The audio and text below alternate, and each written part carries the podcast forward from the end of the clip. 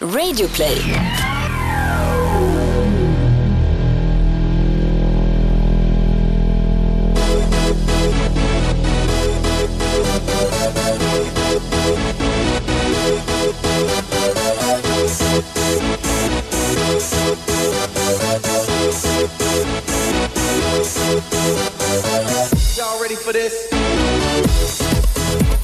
Yo, yo, yo! Varmt välkomna ska ni vara till Toto Balutto. Det är en allsvensk premiär eh, i morgon. 13.00 så kickar årets underbara allsvenska igång i mötet mellan IFK Göteborg och Malmö FF och sen bara rullar det på. Transferfönstret stänger ikväll.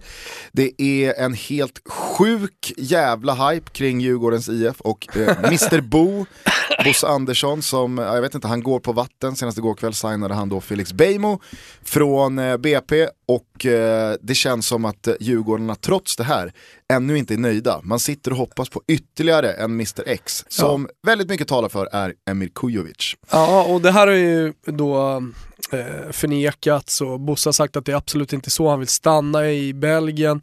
Eh, jag har hyfsat nära vänner som eh, har suttit ner med Bosse också, han förnekar det för dem med. Jag menar Stockholm är trots allt, i alla fall fotbollen i Stockholm är en, en liten stad och, och det går ganska snabbt att ta reda på saker. Eller i alla fall få en feeling vartåt det barkar. Emil Kujovic har varit en dörr som han verkligen har stängt. Igår kom rykten att han fanns på Scandic i Stockholm, ett av alla miljarder Scandic-hotell här. Och eh, ja, Scandic Park är ju ändå jag fotbollshotellet. gillar, ja, men det jag gillar med det här, Gusten, det, det är ju att vi får en slags internationell deadline day. Eh, vi har fått en, tycker jag i alla fall, en så pass händelserik transfervinter att den faktiskt liknar, intressemässigt så absolut, men, men på något sätt liknar den de här internationella transferfönstren där alla är engagerade. Vi har fått stora nyförvärv, vi har fått hemvändare, eh, det har värvats eh, unga spelare, Beijmo ett exempel som du nämnde precis. Det, det har varit riktigt kul med det här eh, silly season-fönstret och eh, man kan inte säga annat än att Bosse Andersson verkligen har eh, kryddat det med eh, Kim Källström, eh, med Jonas Olsson och nu kanske då Emir Kujovic. Ja men inte bara kryddat det med eh, värvningarna han har landat utan på sättet han har teasat alla djurgårdare och hur han har lekt med sociala medier. Och, alltså det är ju också en Jo. internationell dimension av det. Igår Allting kväll, handlar ju om att- igår, kväll, igår kväll torsdag var det ju helt bisarrt när folk började liksom, ja men Emir Kujovic började följa Kerim Rapti på Instagram och... eh, Och samtidigt som han han ska skulle ha sett så. han ska ha setts på park och det, det är ju som det, det är ju som att man är mitt i deadline day vad gäller engelska lag. Det var ju någon som skickade in då en, en bild på de scener som han hade följt och det var ju att, det var inte bara Emrapti eh, från Nej, Djurgården. precis. Ja. Eh, men mitt i det här, som en kontrast, Ingen rök utan eld. mitt i det här som en kontrast till liksom hur mycket det glöder i Djurgården så dök det upp en tweet som bara från en, en Hammarbyare som jag följer. Jaha, vi går in på transferperiodens sista dag utan sportchef. Ja, det, det är klart att de hade, ju, de hade ju mått bra av en anfallare i Hammarby. Jag, jag tror att liksom hela, hela projektet den här säsongen hade mått jävligt bra av, av ytterligare ett prestigeförvärv. Framförallt så hade de ju mått bra av att sista tre veckorna av en transferperiod ha en sportchef. Nu har ju vd Henrik Kindlund själv utnämnt sig till sportchef när han fick då frågan. Ja, vem är liksom ställföreträdare? Ja, det, det är väl jag, eh, sa han på årsmötet. Och, ja, det har ju varit väldigt många märkliga turer i vem som egentligen har hållit i spakarna. För att uppenbarligen, om jag har förstått det rätt, så var det ju inte Mats Jingblad som förlängde med Kennedy, utan det ska ha varit Henrik Kindlund som tog det beslutet. Mats Jingblad försvinner med tre veckor kvar, Henrik Kindlund tar över, man vet inte riktigt vem det är. Hur har Mikkelsen hört i det här, vem har han pratat med? Alltså Bayern, Bayern, Bayern. Bayern, Bayern, Bayern, Bayern. De är väldigt älskvärda på många sätt, men jag förstår ju att man som supporter i ett sånt här läge ruttnar lite på hur fan det, det liksom, hur, hur organisationen tillåts se ut så här.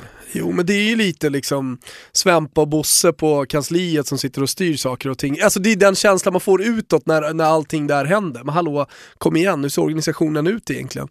Eh, va, hur kan man ens befinna sig i en sån här situation att, eh, att sportchefen lämnar tre veckor innan, jag kan inte minna mig internationellt sett, att, att man går in liksom i, i den glödande avslutningen av ett transferfönster helt utan eh, sportchef. Det, det är bisarrt. Mm. Och med all respekt för, för Stuvsta BKs C-lag, liksom, men, men, det är ju lite på den nivån man, man håller på att liksom hantera klubben här. Men Bayern will be Bayern. Såklart, och de har flest, eh, eller högst publiksnitt och kommer ha det säkerligen den här säsongen och, och allt sånt där. Så det, det finns ju jättemycket charm. Men, men det är som du säger också, man känner ju lite med supporterna här. Eh, nu, går man har... in, nu går man in i säsongen med eh, alltså alla jag pratat med i alla fall, med, med förhoppningen att hamna på den övre halvan, att inte vara indragna i bottenstriden. Och eh, det är långsiktigt, eh, man kommer, eh, man kommer säkert bygga det här laget. Det kanske är helt rätt att bygga långsiktigt också, tänka på ekonomin och allt sånt där, jag vet inte. Men, men jag tycker ändå att man borde ha kunnat gjort betydligt mer sportsligt under det här fönstret. Mm. Med all respekt för eh, Jiloan Ahmad som ändå kommer vara en av allsvenskans bästa spelare. Jag kan tycka också att det finns den här extra eh, dimensionen just för Hammarby-supportrarna när det ser ut som det gör i deras Stockholms eh, rivaliserande klubbar. Att AIK någonstans har satt sina eh, supervärvningar ganska tidigt. Man har en trupp som verkligen känns komplett. Det finns liksom inte så mycket att skrika på en sån här sista dag. Djurgården bara kör med Bosse och Bayern står utan sportchef. Eh, och, och, det känns som att vi hoppas, vi hoppas kunna ha en sportchef mm. någon gång snart. På något sätt så gör det här lite Bayern till Bayern. Vore det inte det... jävligt Bayern att presentera sin nya sportchef bara någon dag efter fönstret har stängt? Jaha, jo, nu. och den sportchefen är väldigt missnöjd med hur truppen har byggts. Det har ju pratats väldigt mycket om Jesper Jansson här senaste tiden, att det är han som kliver in som, som ny sportchef. Ja. Eh, det är ju det är en intressant och namnstark på posten får man säga, värvning i sådana fall.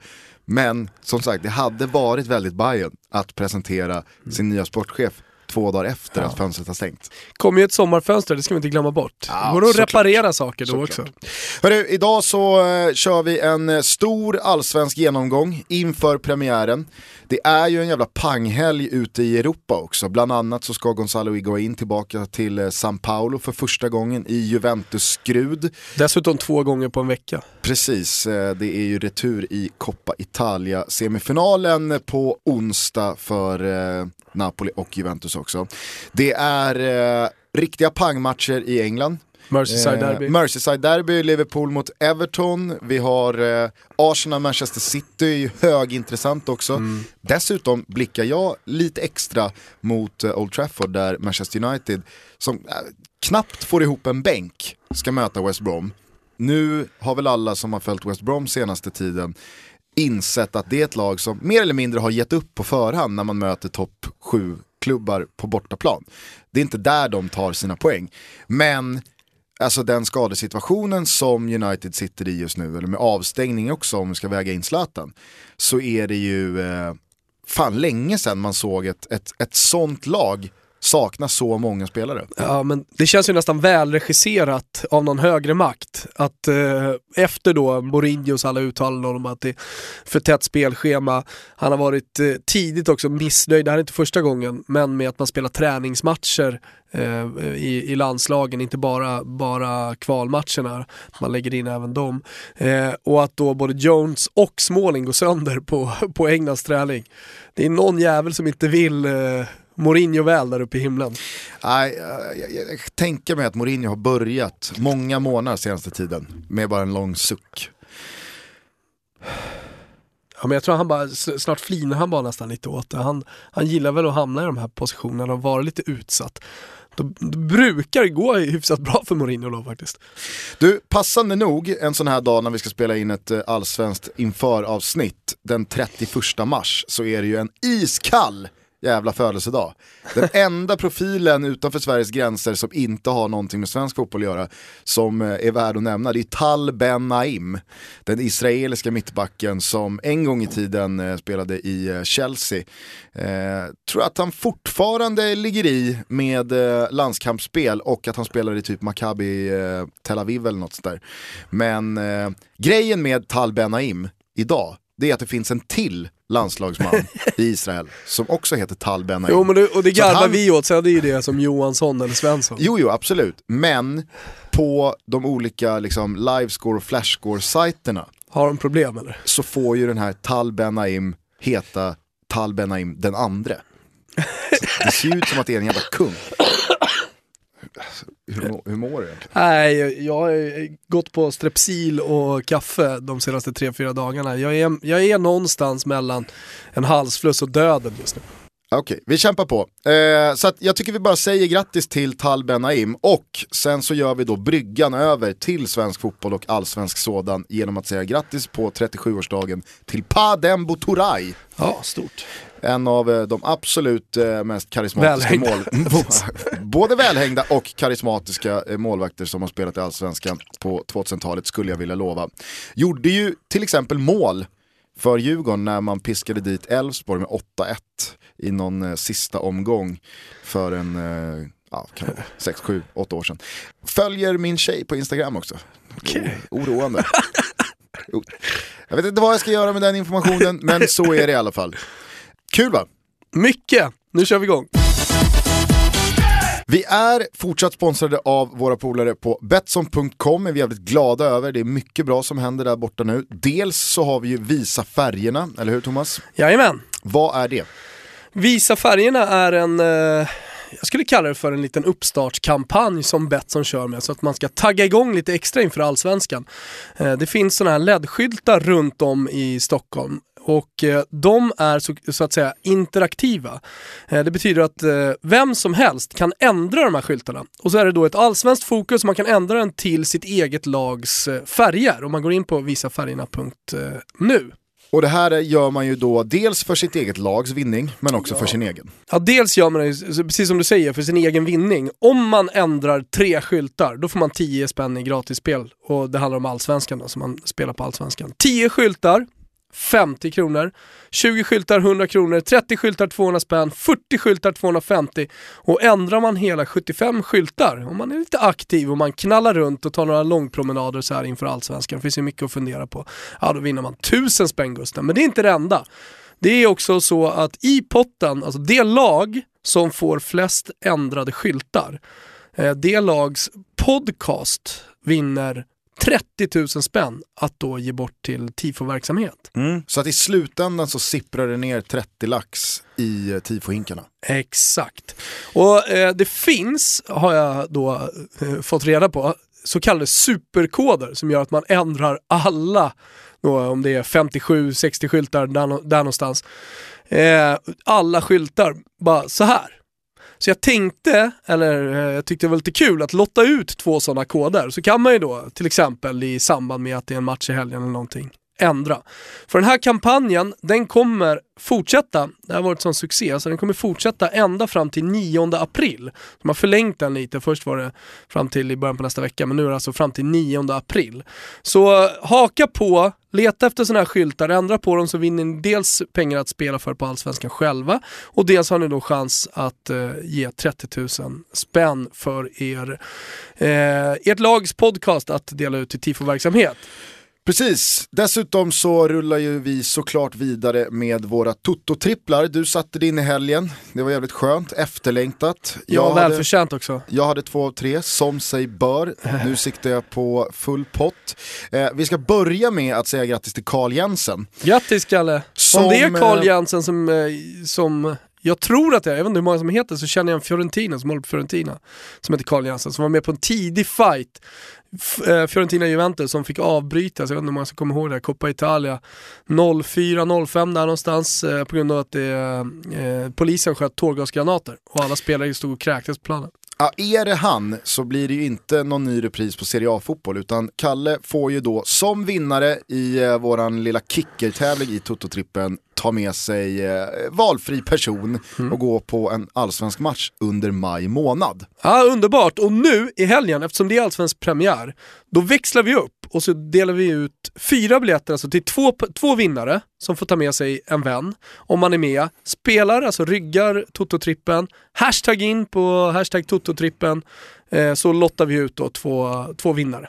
Exakt, glöm inte att vi numera också har låst insatsen sedan en tid tillbaka. Vi väljer att hylla våran mäster landslagsman Anders Svensson och eh, förärar hans antal landskamper med våran fixade insats nu. 148 kronor. Tripplarna hittar ni på Betsson.com under godbitar och boostade odds. Och i eh, helgen så har jag valt att luta mig mot Swansea som möter Middlesbrough hemma. Middlesbrough är ganska så ohotat Premier Leagues sämsta lag just nu. Man har precis dojat Aitor Karanka. Jag tror inte på någon slags Shakespeare-effekt här. Utan Swansea med Jorente tillbaka, Gylfi Sigurdsson. Alltså, de kommer ta tre nya poäng i jakten på nytt kontrakt där. Var så säkra. Jag tror att det ringer till också på Östgötaporten mellan Peking och Bayern. Eh, ser man till resultaten under försäsongen här och Svenska Kuppen så borde det kanske här bli en seger för Norrköping. Men ja, jag är inte så säker på att Hammarby kommer lägga sig utan en strid här. Eh, Bra bortafölje och allt sånt där också. Precis, jag tror att det kan bli målglatt så att jag har spelat över 2,5 mål i den här matchen. Och sen så avslutar jag med att Pep Guardiolas Manchester City åker och knackar in ytterligare en spik i Wenger-kistan som inte ska stängas än på två år vad det verkar. Jag tror, jag tror att eh, Pep till och med åker och pissar på Arsenal. Ja, men, eh, vi har ju eh, en relativt skadefri trupp i eh, City. Det är ju bara Gabriel Jesus som eh, saknas av de här riktigt offensiva hoten. Eh, ser man dock till hemmalaget Arsenal så har det ju, ah, det är ju så jävla mycket grus i det där Ja. maskineriet så att eh, jag behöver inte motivera tvåan mer, tycker jag. Nej, vi skulle kunna göra en Arsenal Toto Balutto varje vecka med, med gäster. Eh, det är ju så, men eh, vi går över till min då, på tal om Shakespeare-effekt. Jag vet inte vad vi ska kalla det för, kanske en Bosse Andersson-effekt. Men Djurgården vinner ju mot Sirius, det är inget snack om saken. Med vetskapen att Djurgården kommer bli bättre och bättre ju längre den här säsongen lider. De kommer absolut eh, inte spela på 100% i den här matchen. Men eh, jag tror på hemmaplan med den otroliga jag ska säga, eh, energi som just nu eh, omgärdar klubben. Och så vinner man bara mot, eh, mot Sirius. Inte rak, Inter eh, vinner alltså hemma, ingen snack om den saken. Inter är riktigt bra. Eh, Inter är dessutom formstarka, de kommer gå starkt, de kommer kanske till och med utmana Roma Napoli om en Champions League-plats. Eh, för jag tror att de kommer gå hyfsat rent härifrån in till maj. Eh, lita på mig där bara. Och slutligen då, över 2,5 mål i Liverpool-Everton. Jag ser verkligen framför mig två lag som bara skiter i bakåt och som går för tre poäng i alla lägen. Till och med Everton i det här derbyt.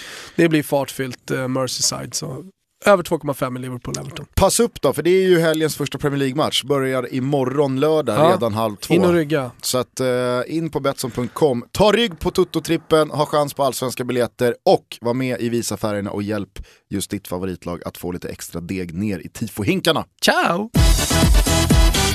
Nu är det lite bråttom om vi ska hinna igenom eh, 16 lag här. Ja, Eh, ett av lagen som väldigt många har snackat om, inte minst på upptaktsträffen förra veckan, är ju Göteborgs nya stolthet, de gulsvarta BK Häcken. Man har plockat in Stare, ny tränare, man har eh, värvat eh, en rad namnstarka spelare om man också väver in då sommarfönstret i somras. Eh, kanske klarast mest lysande är ju då såklart eh, Alexander Farnerud. Ja. Men man har plockat hem den hemvändande Göteborgssonen Erik Friberg, vår polare, soon to be inrikeskorrespondenten. Vi ringde upp honom och snackade lite Häcken. Hallå! Tjena kompis! Läget? Det är bra, är du själv? Jo då, för fan. Jag är på väg till GPA här. GPA, vad är det? Gotia Park Academy. Jaha. Vad händer där då? Frukost. Själv eller med laget eller? Nej, med laget. Okej, jag trodde du hade sniffat upp något pang, pang-frukostställe. Nej, nej. Det är obligatoriskt frukost. Mellan eh, åtta och halv nio. jag vet ju att du är småbarnsfar. Tjena förresten, Thomas här. Hej. Jag vet ju att du är småbarnsfar, det hade ju varit starkt om du drar iväg tidigt på morgonen när allting ska göras och kör en egen mysfrukost. Exakt. Ja, men det, jag, eh, jag stannar inte kvar lite extra hemma, så kan vi säga nu. för. Nej, kan jag förstå. Du lämnar Ja. kaoset hemma, plockar upp Dagens Industri och sätter dig på GPA med en dubbel macchiato och bara Ja, börjar dagen lugnt och stilla. Som jag har ju satt med en liten tvåa också. Med två ungar. Ja, hur, Det är går det, hur fan- går det med flytten? Jag ska få en skilsmässa här snart. Ehm, Det kanske är sportchef Sonny Karlssons plan. Sätta sina familjemänspelare i för trånga lägenheter så att det slutar i skilsmässa. han tycker jag är fin som singel. Eh, nej, men eh, det går bra. Vi flyttar inom tre veckor. Och då känns det som att eh, hemflytten är, det är då det börjar. Ja, men lite så är det väl. Var, var bor man någonstans då som professionell fotbollsspelare nere i Göteborg? Jag bor, kommer bo nere i Billund. Det är villa och hela det? Nej, radhus. Ah, ja, då har vi ju samma. Jajamän. Sen eh, just nu bor jag på Visselgren. Det var det ligger på Hisingen. Nej, inte riktigt koll där. Nej, Ah, det är ja. okej. Vi kör mer eh, Angered, eh, det, det, det är med Thomas. Det är Angered. Ja. Ja, Det är där ja, han- fan. det är där han Askim har gillar koll. jag annars. Jag har aldrig trott att det heter Askim, men det har man ju lärt sig att det heter Askim. Ja, ja.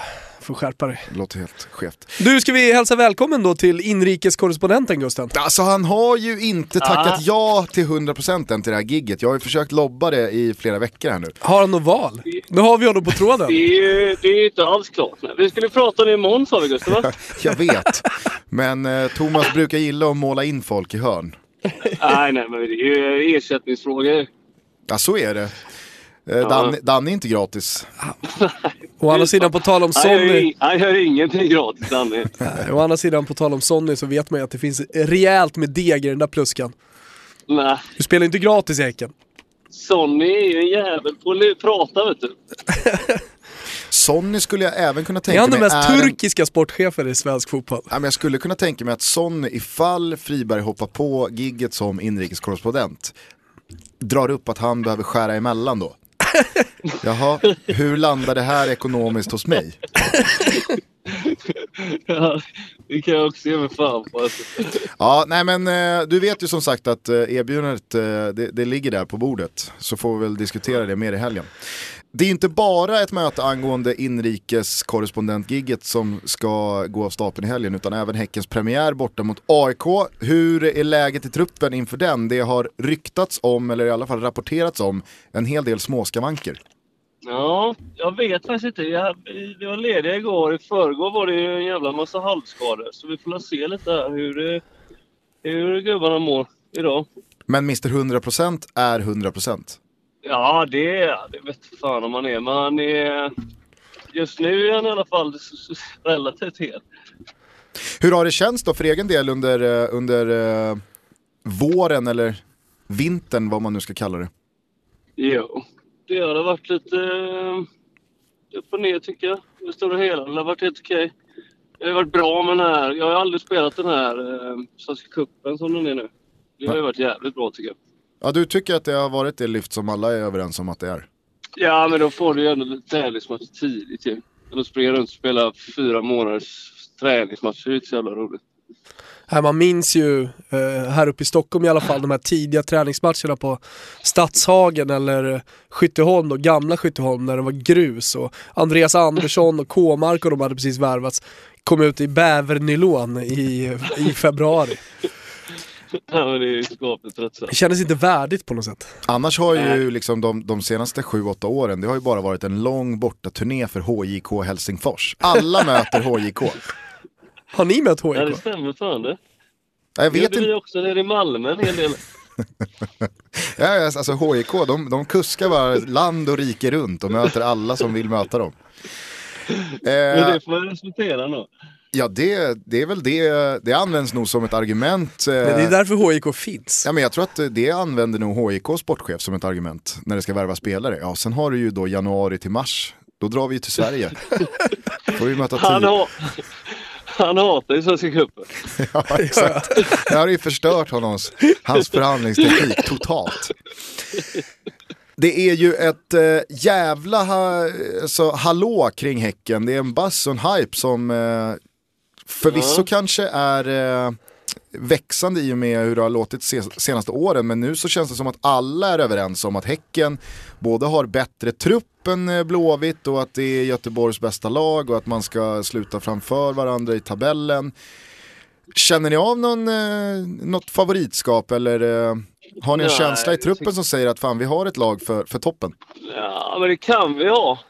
Vi har ju sagt att vi ska vara med i toppen och sen att vi ska vinna inom, inom fem år.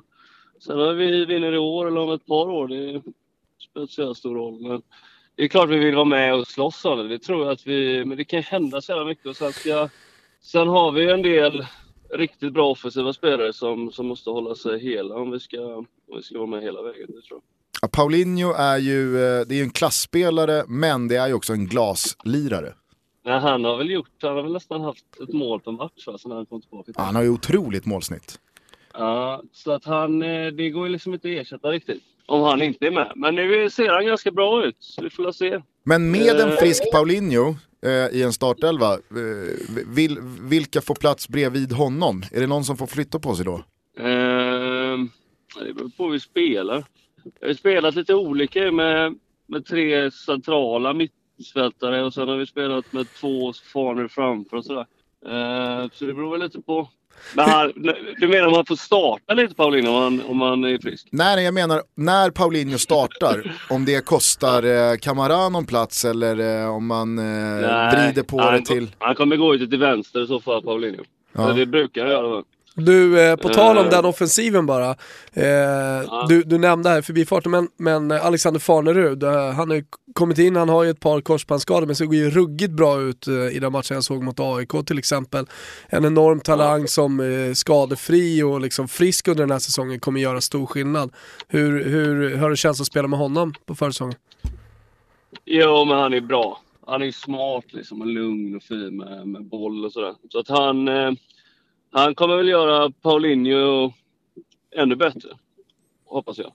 Eh, och Kamara givetvis. Men han är, jo, men han är som bäst är väl han eh, en av de absolut bästa i serien, jag tror Du, hur ser du på din roll? Jag kommer ihåg när du värvades eh, som ersättare till eh, Diamanti i Bologna en vinter. Eh, då, var det ju, då skulle du ju stå för nummer 10-rollen, eh, offensivt spelgeni sådär. Nu, nu eh, när jag såg matchen mot AIK så var du som ett eh, frimärke på eh, Simon Tern, din gamla lagkamrat. Vi kan väl också säga att det, det slutade aldrig riktigt eh, så som det var tänkt i Bologna. Nej, de, de såg ju inte riktigt de kvaliteterna. Uh, nej, det var väl sådär. Men eh, nej, min roll blir väl... eh, det är väl som det alltid har varit. Jag kommer vara en av de som springer runt där på mitten och försöker ge bollen till de här gubbarna vi pratar om precis. Ja. Men vad hände mot Tern där? Alltså det small rejält hela vägen fram till han blev utbytt, om han nu blev utbytt. Hade ni något surr innan där om att ni skulle spela på varandra? Nej, det hade vi väl inte. Han är, han är grinig alltså. Men han måste ju få Tern att tycka det är tråkigt med fotboll. Så det blir din det- uppgift på söndag då? Ja, men det är lika, du måste prata med mycket och säga fan, defensiv han är och sådär. Liksom. Då är han... eh, han då är det ju balans. Är instruktionen få honom att tycka att det är tråkigt att spela fotboll en instruktion du har fått av en tränare någon gång inför en match? Nej, det är min instruktion. Det gillar vi. Ja, jag tycker det är en, det är en jävla superinstruktion Ja, att få. verkligen. Ja, Eller men ge sig det är själv. just, det är just Simon är ju extremt rolig att få. Och eh, prata med så. Men du, eh, kort bara, eh, Micke Stare, dina intryck av honom första månaderna? Han är bra. Han är väl, eh, han är väl kanske lite annorlunda mot vad Gerhardsson har varit här eh, i alla år. Eh, På vilka sätt? Nej, men han kanske vill ha mer helhet i, eh, i det defensiva och det offensiva och press, hur vi ska pressa och sådär. Eh, så att han... Eh, sen känns det att han, han vill gå ut för att... Han vill vinna varenda match. Liksom. Det, det är det viktigaste för honom. Sen eh, hur vi gör det, det, det spelar inte så stor roll. Samtidigt som han, han vill ju behålla en, en offensiv fotboll. Liksom. Ja, vi minns ju det klassiska Gerhardsson-citatet att jag spelar hellre 3-3 än vinner med 1-0. det tror jag inte du får för snarast. Nej, det tror inte jag heller. Men han känns jävligt, eh, han känns jävligt tillfreds med livet, Stare-gubben just nu. Tycker att han är så jävla glad och öppenhjärtig och garvig i intervjuer. Ja, man har varit i Kina några år nu. Cashat in. Han är ju klar ju. Vi sa precis det att Mourinho nog eh, den senaste tiden har vaknat många månader och inlett dagen med en lång suck. Stare, Stare har ju inlett många månader senaste tiden med att bara logga in på banken Och le. och le. Och le. Och sen kliver han upp. Lite bekymmer inför premiären, jag loggar in på SCB här bara. Du det är mycket skadeproblem nu i truppen Micke. Ja vänta ett tag. Vänta jag är på jag, ska bara, jag, ska, jag ska bara logga in här. Så, Det vad sa håller du? Det löser sig. Exakt. Falsetas, ja lite Gubbar, småhängig. Skitsamma. Friberg, gå ut och få dem att tycka att det är tråkigt att lira fotboll. Så ska jag kolla bankerna snabbt bara. Du, eh, det stort Jag lycka till mot... Ja, stort lycka till mot Lycka Gnaget. till. Vi hörs i helgen. Det gör vi. Vill du tillägga någonting kring eh, BK Häcken? Nej men jag tycker, att det, jag tycker att vi under den här eh, försäsongen, under Svenska Kuppen har fått ganska tydliga besked. Sen är jag helt övertygad också om att Micke Stare kommer att lyfta det här laget, det kommer bli bättre och bättre. Men det gäller många lag. Det är flera som har nya tränare och det är många som har gjort ganska stora förändringar ändå i startelvorna.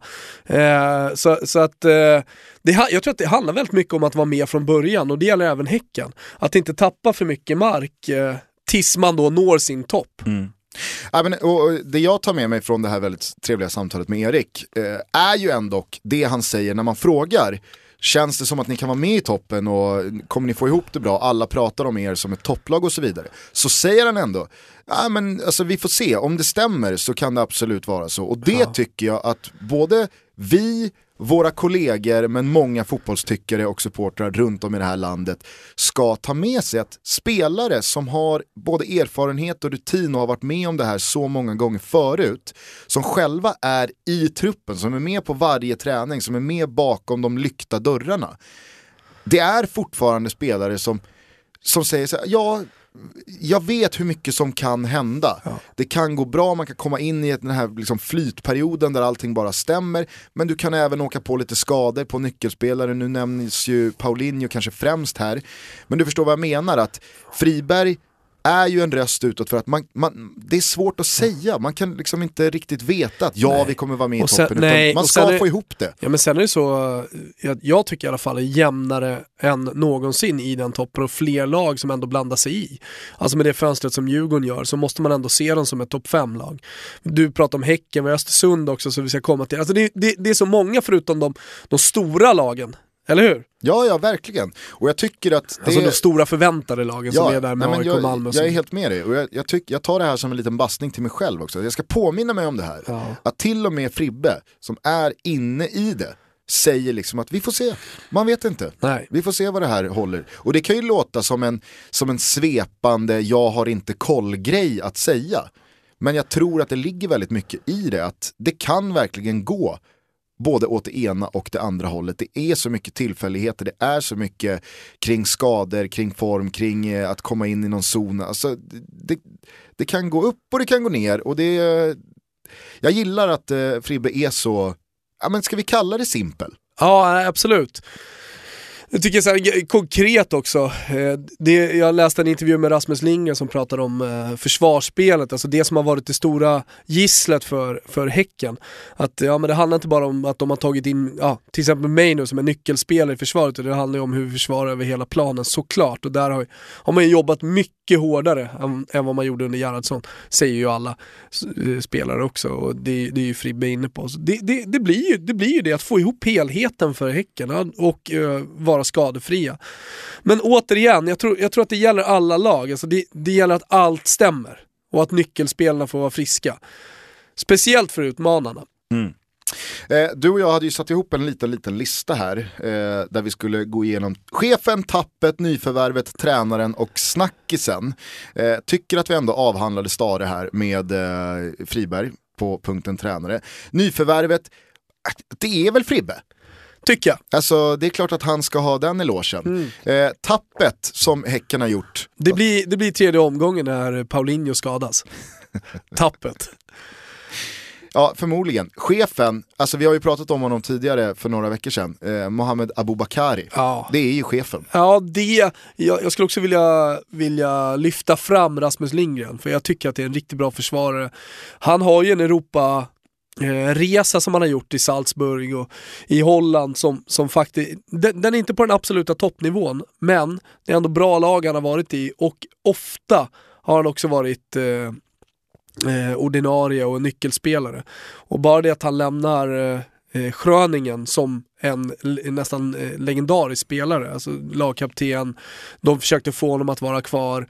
Det tycker jag ändå säger en hel del om hans ledaregenskaper och det behövs i det här Häcken. Mm. Snackisen känns det som att Micke Stare kommer stå för. Han har inte gjort det än, men han kommer ju göra det.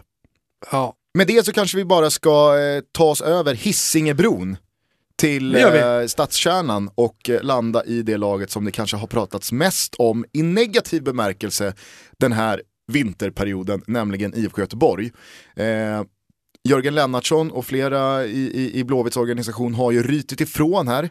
Tycker att man pissar på klubben genom att ställa så många negativa frågor. Men jag menar, det, det är ju väl uppenbart att man gör när ekonomin har sett ut som den gör, när truppen har sett ut som den gör, på insidan kontra utsidan, resultaten har hackat. Alltså, det, det, det, är inte konstigt att man ställer sig eh, frågande till huruvida Blåvitt ska kunna hålla Häcken bakom sig. Nej, nej. Men eh, jag tycker ändå att vi underskattar Göteborg lite, generellt sett i, i snacket. Jag, jag tror att Göteborg kommer vara bättre än vad många tror. Eh, och framförallt så tror jag att de kommer få en väldigt bra inledning på den här våren. Och känner man bara att man är med där när man, när man kommer i slutet på maj eh, och inte är så många poäng efter, då kan det vara eh, tillräckligt för att man, att man hänger med alltså långt in på hösten också i toppen. Vem är chefen i Blåvitt skulle du säga? Det, Jörgen Lennartsson, tveklöst alltså. In, ingen, är top ingen tar, ja, men han Hur låter är han? toppdog. Alltså han, Hur låter en inte, toppdog? Vad sa du? Hur låter en toppdog? Woff! Woff! Bättre. Nej, men, om, om inte Jörgen Lennartsson hade varit fotbollstränare så hade han ju varit eh, entreprenör i typ spelbranschen eller någonting sånt där. Alltså han, han har ju otroligt mycket idéer hela tiden. Eh, jag, jag, tror att han till och med hade varit en bättre entreprenör. Han har varit snorrik vid det här laget och startat upp en massa företag som hade blivit framgångsrika. Alltså det, det är min känsla på honom. Så han är både chef och tränare? Ja. Nyförvärvet, eh, det är nog lätt tror jag att eh, stirra sig blind här på Mikael Diskerud. Mix kallad, norsk-amerikanen som har kommit in eh, och ja, men direkt blivit en ordentlig profil i laget. Och jag tror att eh, han kommer tillföra mycket även på planen, ser ju jättebra ut.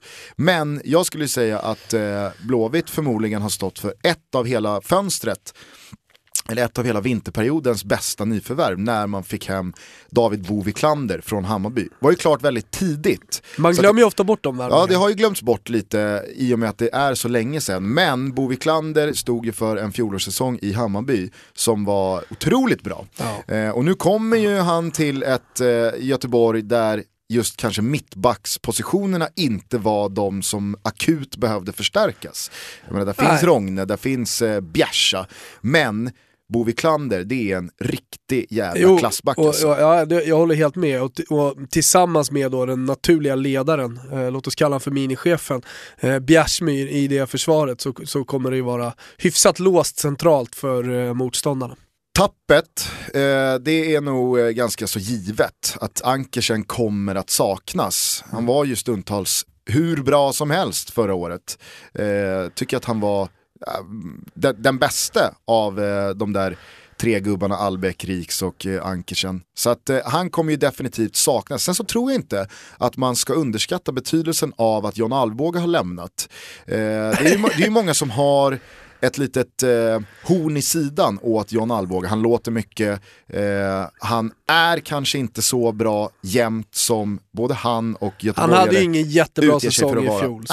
Men nu har han lämnat och jag tror att dels rutin och dels liksom tryggheten som han har eh, skänkt laget och försvarsspelet kommer saknas oerhört mycket. Ja, och så är det ett tapp i omklädningsrummet såklart också. Nej, men så blir det intressant här att se hur eh, ungtuppen Pontus Dahlberg ersätter honom. Eh, av alla vitsord att döma så är det en kanonmålvakt. Men är man född eh, 99 så är man ju. Alla har ju inte Alexander Isaks eh, startsträcka. Ja, eller eh, för all del om man ska jämföra med en kollega då på målvaktspositionen, Gigi Donnarumma som bara gick in i, i Milan och började dominera. Mm. Men du flaggar ändå här för att vi är eh, nationellt lite för pessimistiska kring Blåvitt. Mm. Jag tror, att, jag tror att Blåvitt kommer göra en bra, en bra säsong. Mm. Eh, ska vi bara lyssna med Blåvitts gamla fixstjärna Sam Larsson, vad han tror om eh, Blåvitt och eh, den här negativa shitstormen som har eh, blåst senaste tiden. Ah, kom så. Måste ju bara när vi har dig här mm. på, på, tråden fråga om eh, IFK Göteborg. Jag vet inte om du var, var på hugget gällande upptaktsträffen i måndags men eh, IFK Göteborg fick ju eh, ganska så många tuffa och kritiska frågor kring vad som händer. Det känns som att många har eh, eh man ser på Häcken som laget som har sprungit kring, mm. eh, eller sprungit förbi. Hur, hur ser du på hierarkin i Göteborgsfotbollen? Spelmässigt så tycker jag definitivt att Häcken är före. Uh, sen det är ju det är ingen fråga vem som har flest fans och allt sånt. Att Blåvitt är en mycket större klubb än Häcken men uh, fotbollsmässigt just nu så är det nog väldigt tajt om inte att Häcken är före. Uh, så upptaktsträffen jag hörde att det var ganska mycket negg. Hur tajt följer du uh, Blåvitt? Uh, om jag ska vara ärlig, väldigt lite.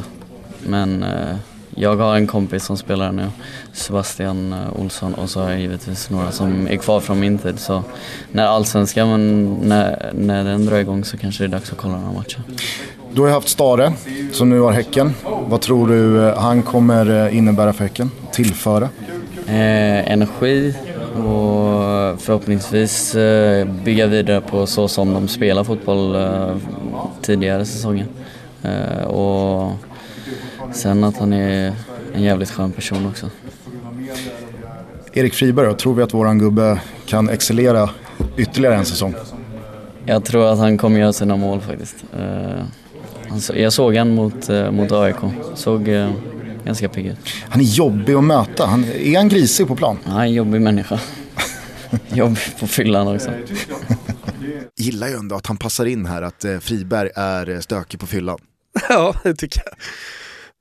Visste vi... Känns det som att det, det bara förstärker att vi måste sätta Friberg som inrikeskorre. Ja, eh, och jag tycker också att han öppnade bra. Det kändes som att eh, det inte var så många spärrar där. Verkligen.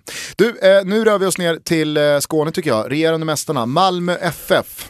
Din bild av det här bygget som alltså inte har förändrat till skillnad från tidigare år speciellt mycket. Man har bytt Allan Kuhn mot Magnus Persson och egentligen så är det enda nyförvärvet Lasse Nilsen, mittbacken som eh, har gått rätt in och eh, mer eller mindre ersatt Kari Arnason. Mm. Ja, men svårt, det, det, det håller nog alla med om. Det är svårt att veta var man har Malmö i premiären och kanske de första omgångarna. Eh, dels för att man inte har sett dem spela så många tävlingsmatcher, eh, dels för att det är en ny tränare. Det har inte sett strålande ut, vet alla om också att Marcus Rosenberg inte har gjort något mål på försäsongen. Det lägger ju jag visserligen ingen stor vikt i. Eh, men eh, jag tror att den här osäkerheten med Magnus Persson, vilken typ av fotboll kommer han lira, hur kommer det se ut? Eh, det pratas om att det kanske kommer några liksom ganska stora förändringar i startelvan mot det vi har sett på försäsongen i den här matchen mot IFK Göteborg.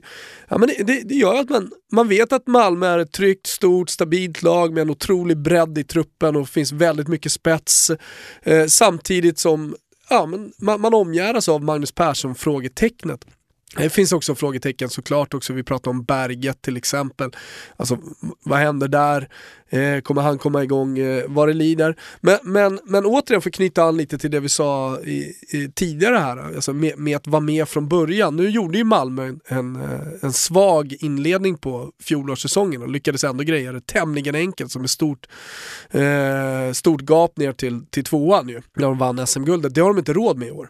Det, om, det, om det är någonting som jag är helt säker på så är det att man, man, man får inte tappa för mycket i början. Och blir det en pissstart för Malmö Ja, alltså jag vet inte fan hur det kommer blåsa där nere då med, med, med den självbilden som dels supportrarna har men även om man pratar med spelare. Marcus Rosenberg sitter på upptaktsträffen och, och är, är, är, liksom Marcus Rosenberg. Och det, det, där är ju en linje som går igenom hela klubben, alltså från materialare hela vägen ut till, till ultrasupportrarna. Så att eh, det, det, det, det är väl det som jag känner med Malmö. Jag har tippat dem som, som vinnare bara för att jag tycker att truppen är så pass bra och jag tror tror ändå på att Magnus Persson kommer lösa det här. Jag, jag, jag tror att Magnus Persson är en, en rätt tränare för Malmö. Eh, men som sagt, det är en känsla, nu har man inte sett dem eh, speciellt mycket än. Men, men eh, Ja, men jag är inte helt säker på att de kommer vara briljanta i premiären mot IFK Göteborg. Personligen så är jag väldigt spänd på Pavel Sibickis eh, säsong. Mm. Han är tillbaka efter ett eh, lån hos eh, J Södra där han gjorde det riktigt bra. Och det känns som att eh, det här kan bli det, det, det, det stora beviset på att svenska spelare ska ta en lånesäsong, få en ordentlig liksom, speltidssession i ett mindre allsvenskt ja. lag eller i ett superettalag, ja. komma tillbaka starkare och verkligen blomma upp. Det är jättevanligt internationellt sett, alltså, du kan ta vilken stor stjärna som helst de senaste 30 åren så har de flesta faktiskt varit i, i en kadettserie och, och vänt, gjort det bra där. Eh, vi, vi, pratar om att göra liksom den långa marschen eh, och att det är eh, liksom nyttigt Eh, att, eh, att spela i ett mindre lag, en mindre serie. Eh, många glömmer bort att det är ofta ganska tufft där också, speciellt när du kommer ner som en supertalang. Ja men då vill ju alla försvarare sätta det på plats också. Så att man växer otroligt mycket av det och det tror jag att, att han har gjort. Mm. Jag tycker att det verkar som att han har allt för att faktiskt leva upp till förväntningarna i ett storlag som Malmö FF. Ja, jag tror att eh, Pavel Sibicki går en väldigt fin säsong till mötes. Det blir spännande att se hur man hittar konstellationer med Sibicki, ja. Jeremejeff, Marcus Rosenberg, Tobias San har ju fått en hel del speltid under eh, försäsongen här under MP. Så att, eh, det blir eh, oerhört eh, spännande att se hur man då får in Berget i det här, eh, hur man får in eh, Eikrem, mm. Eh, du har Anders Christiansen som också ska bidra till offensiven. Ja, det, det, det, nej, det, det är några som tar plats i min eh, fantasy-elva kan jag säga. Chefen? Äh, Marcus Rosenberg. Tappet? Alltså. Är det Kari? Ja, det får ju bli det. Nyförvärvet? Nyförvärvet, ja, Lasse Nielsen. Jag tror att Lasse Nielsen kommer eh, verkligen eh, ja, men det är ta allsvenskan med storm. Ja, det är kikarsiktet är en toppspelare. Har Daniel Jerry Andersson bara värvat in Lasse Nielsen, för de pengarna också, så vet man att han har koll. Ja, han har koll. Eh, tränaren Magnus Persson, det har ju alla eh, förstått att det här är liksom det, det kanske mest ja. intressanta tränarskiftet i, i allsvenskan 2017. Han kommer ju ha hög press på sig, men det känns som att när Malmö gör den rokad man gör med att Allan Kuhn trots guld får gå, man tar in Magnus Persson, så är det ju, det är ju verkligen en signal till honom att du kommer få tid. Det är inte, det är inte 15 poäng på de fem första, annars får du gå. Nej, men det är ändå en speciell situation, alltså, för att Malmö handlar om resultat, det handlar om att vinna. Snackisen, vad tror du den blir? Ja, men kanske blir Magnus Persson då. Eh, om vi tar snackisen i alla fall eh, i, i, i vår, så kommer det nog bli han. Alltså, antingen åt det positiva hållet eller åt det negativa hållet. Men det, det, det blir nog den stora snackisen i Malmö. Ska vi ringa en annan chef? ja, tycker jag. Vem har vi på Malmö? Ja, vi har ju Ponne. Ponne! Ponne! Hallå? Hej, god morgon! Det är dags att vakna, även i England.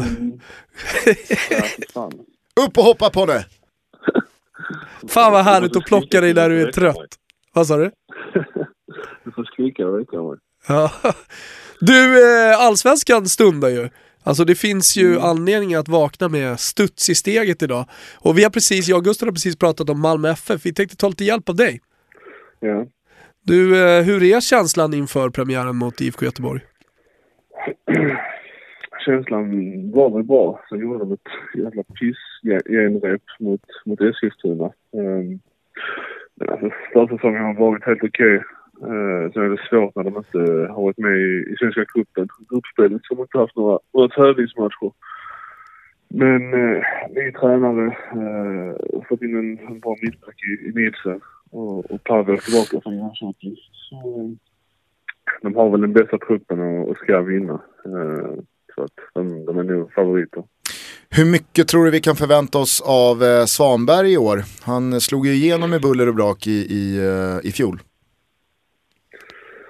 Ja, jag trodde faktiskt att han skulle få en, en rätt så given roll, att han skulle starta de flesta matcherna. Men om man ser på försäsongen här nu så kommer han nog ja, vara med som inhoppare även, även detta året. Men eh, ja, allt man hör om honom är ju, är ju positivt och en fantastiskt fin spelare. Eh, det, det jag har sett också. Eh, så att han, han har framtiden framför sig. Han är fortfarande ung så att han, hans tid kommer nog pratas ju väldigt mycket om Magnus Persson och, och, att man inte riktigt vet vad man har Malmö, alltså delvis det vi tar upp här nu, att man inte har spelat tävlingsmatcher. Men, men vad får du för signaler kring, kring gruppen och, och, och med Magnus Persson? Eh, det största skillnaden var vad jag sa att, att han vill pressa, lite högre än vad man har gjort de senaste, senaste åren. Eh, sen som sagt, det är svårt att se i, i träningsmatcher eh, hur inte lika tydligt då för det är inte samma, samma nerv i en träningsmatch som i, som en tävlingsmatch. Men den, den största skillnaden jag förstått är att han, han tänker lite annorlunda, lite, lite offensivare än vad, vad Allan och, och Åge har gjort som varit här nu de senaste åren. Um, så det är den största skillnaden. Sen, sen som person så har jag bara hört positivt om honom. Eh, pratat mycket med Rosenberg. Han, han är positiv till, till honom. Och eh, så såklart, det är en stor press på honom. Han, eh, han, han är där för att vinna och vinner han inte så, så kommer han få många emot sig. Finns det något annat än ett nytt guld i höst? Nej, egentligen inte. De, de är favoriter, det ska de vara. Eh, och eh, sen såklart, Europaspelet i sommar kommer också vara stor fokus på det. Eh, men Malmö ska vinna, det är inget snack om saken. Du, eh, vi ska väl bara, när vi har det på tråden, först gratulera till 90 eh, fina minuter mot eh, Vitryssland och sen eh, ett inhopp eh, mot Portugal där ni vände 2-0 till 3-2. Grattis! Mm, tack så mycket. Det kändes, uh, kändes riktigt bra faktiskt. Men du åkte på något skit med låret? Ja, fan alltså. Det, det blev en överbelastning.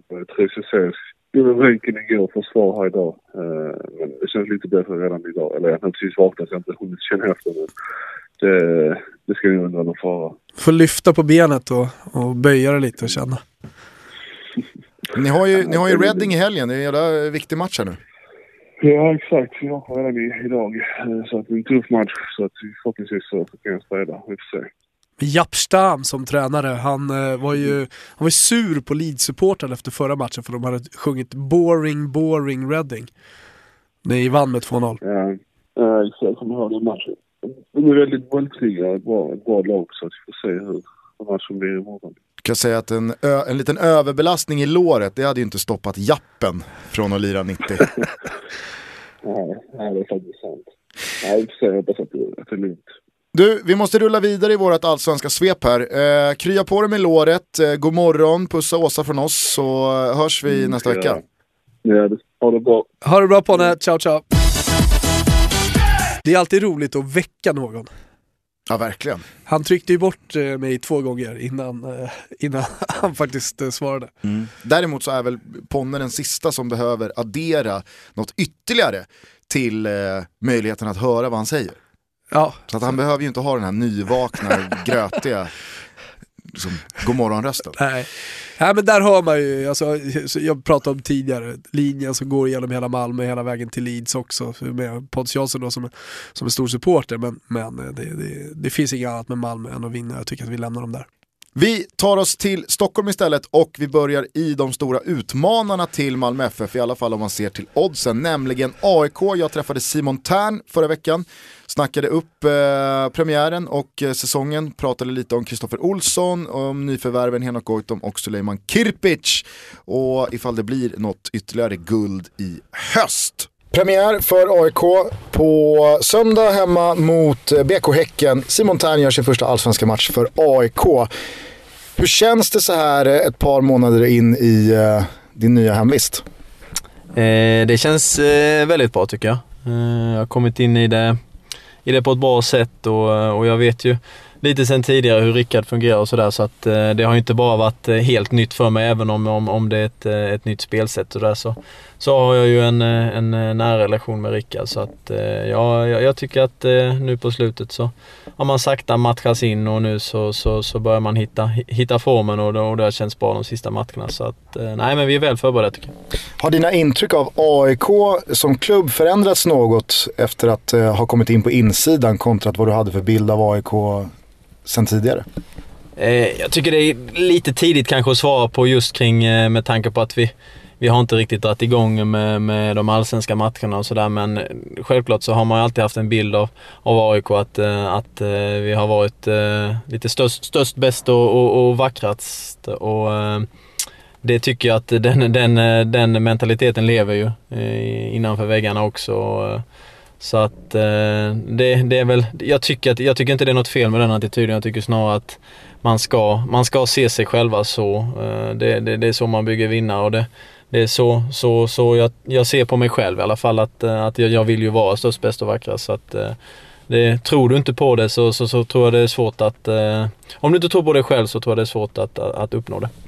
Kirpic och Henok startade i genrepet mot Norrköping. Henok Goitom känner ju de flesta till, men Suleiman Kirpic vet jag att du eh, är positivt överraskad av.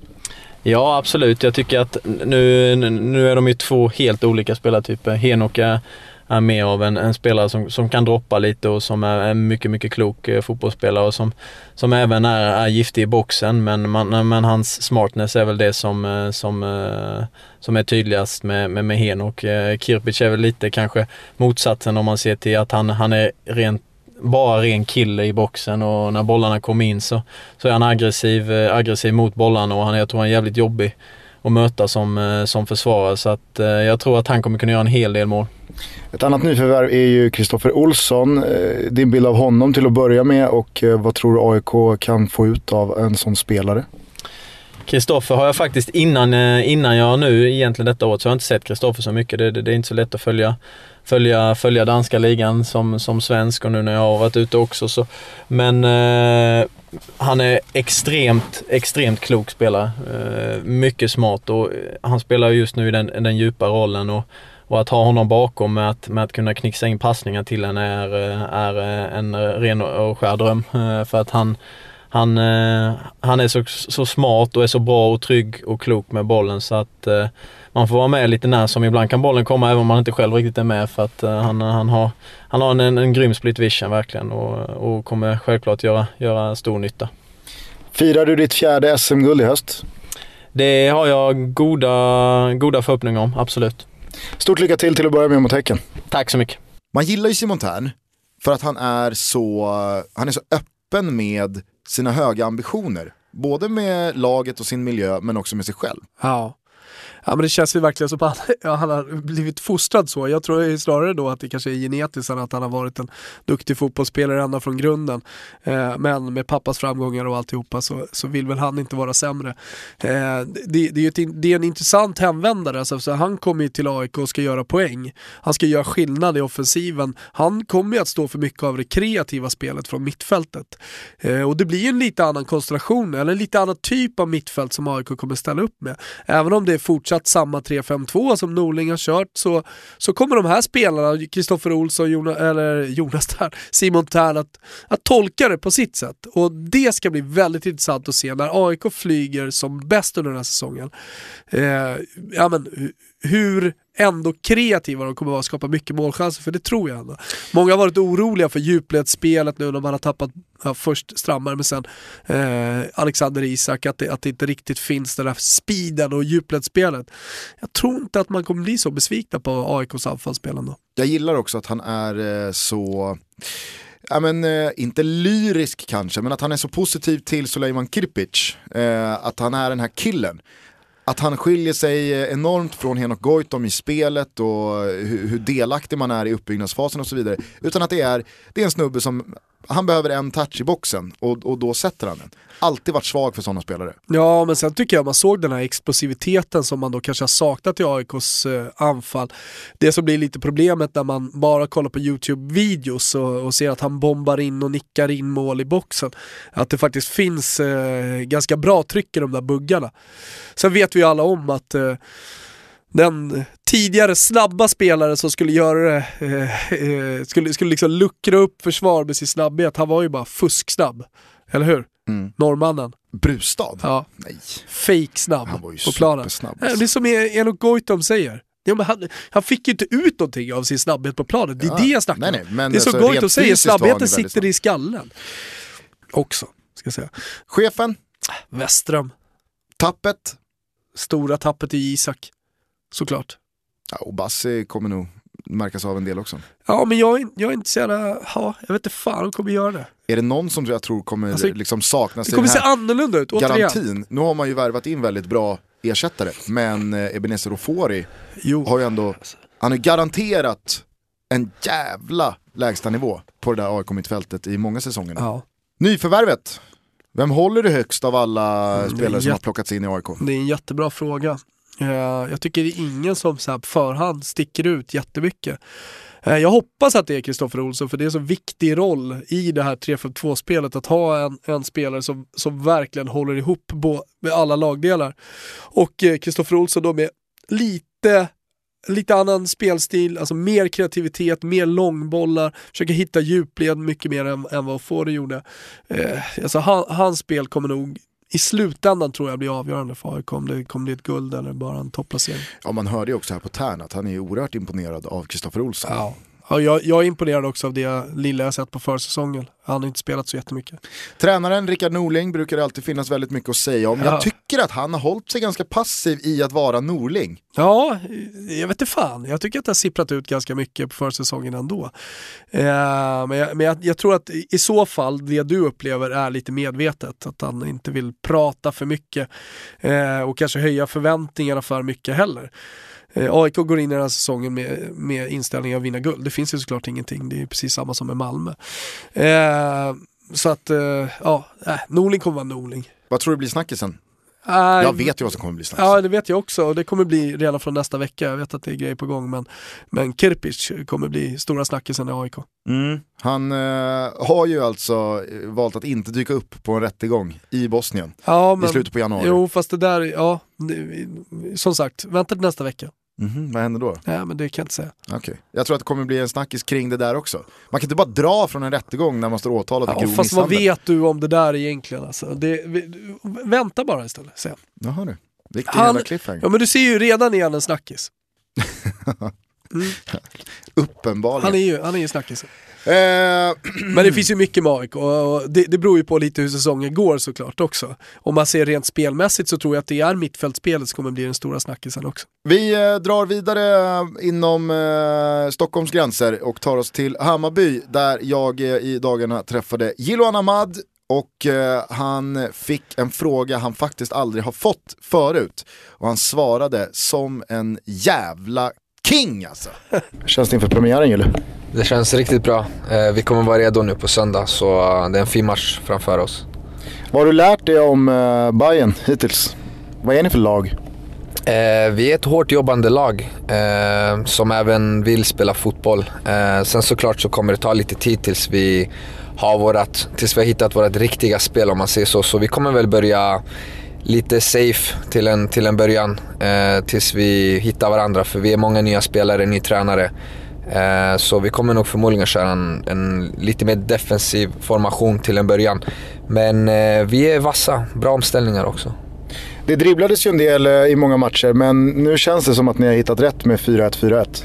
Verkligen. Eh, vi har hittat rätt där och, och det känns väldigt bra. Vi är ganska många i, i mitten och jag tror att även backlinjen känner sig lite mer safe nu när vi, när vi har den eh, defensiva mittfältaren. Så det har sett bra ut alltså. Och Vi, när man spelar lite mer defensivt så, så brukar det vara att offensiven, eh, att det blir lite svårare kanske komma fram eller göra mål. Men eh, vi har sett vassa ut eh, framåt också så eh, jag tror att det, det är bara positivt för oss. Dina intryck av supportrarna? Eh, grymma, grymma intryck. De är fantastiska. Eh, fick höra idag att många av dem hade köpt eh, säsongskort eh, på parken bara för att kunna se första matchen.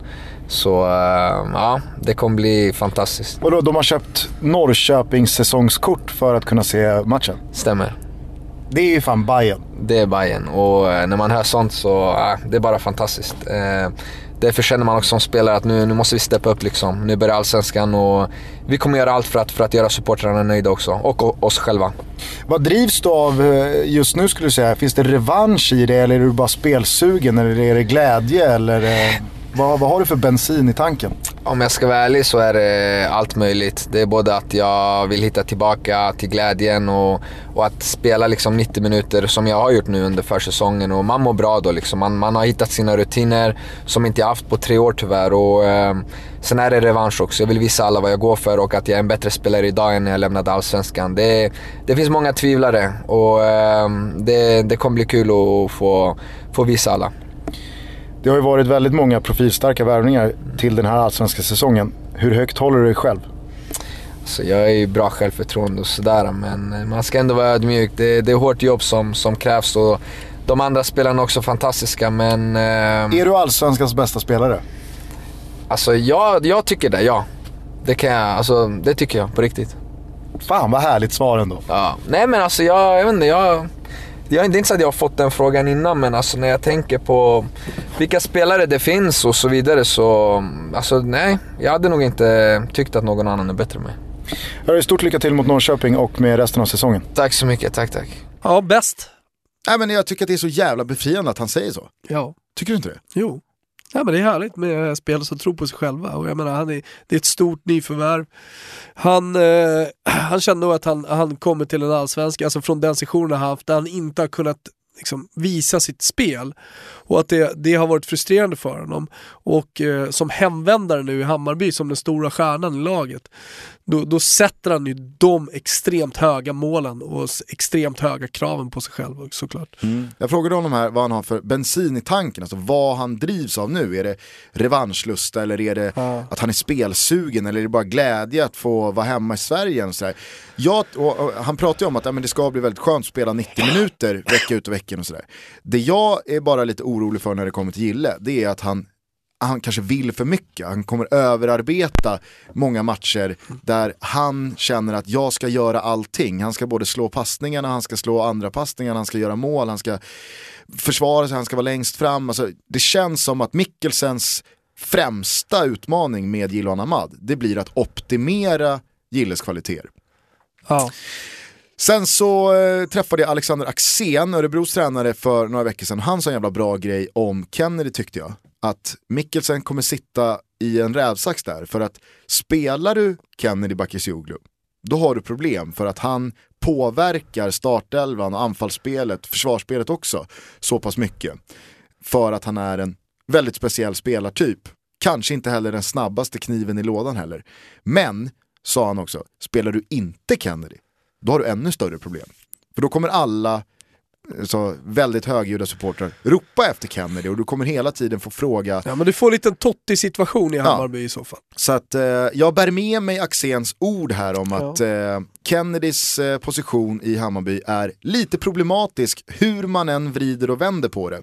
Och det går ju att se på både negativt och Det är ju positivt. så när, när, när det är spelare som nästan är större än klubben. Nu är ingen spelare nästan större än klubben, missförstå mig inte, men, men eh, ja, Är han chefen? det är klart han är. Eh, tappet, eh, ska vi enas om Bo Wiklander där? Ja.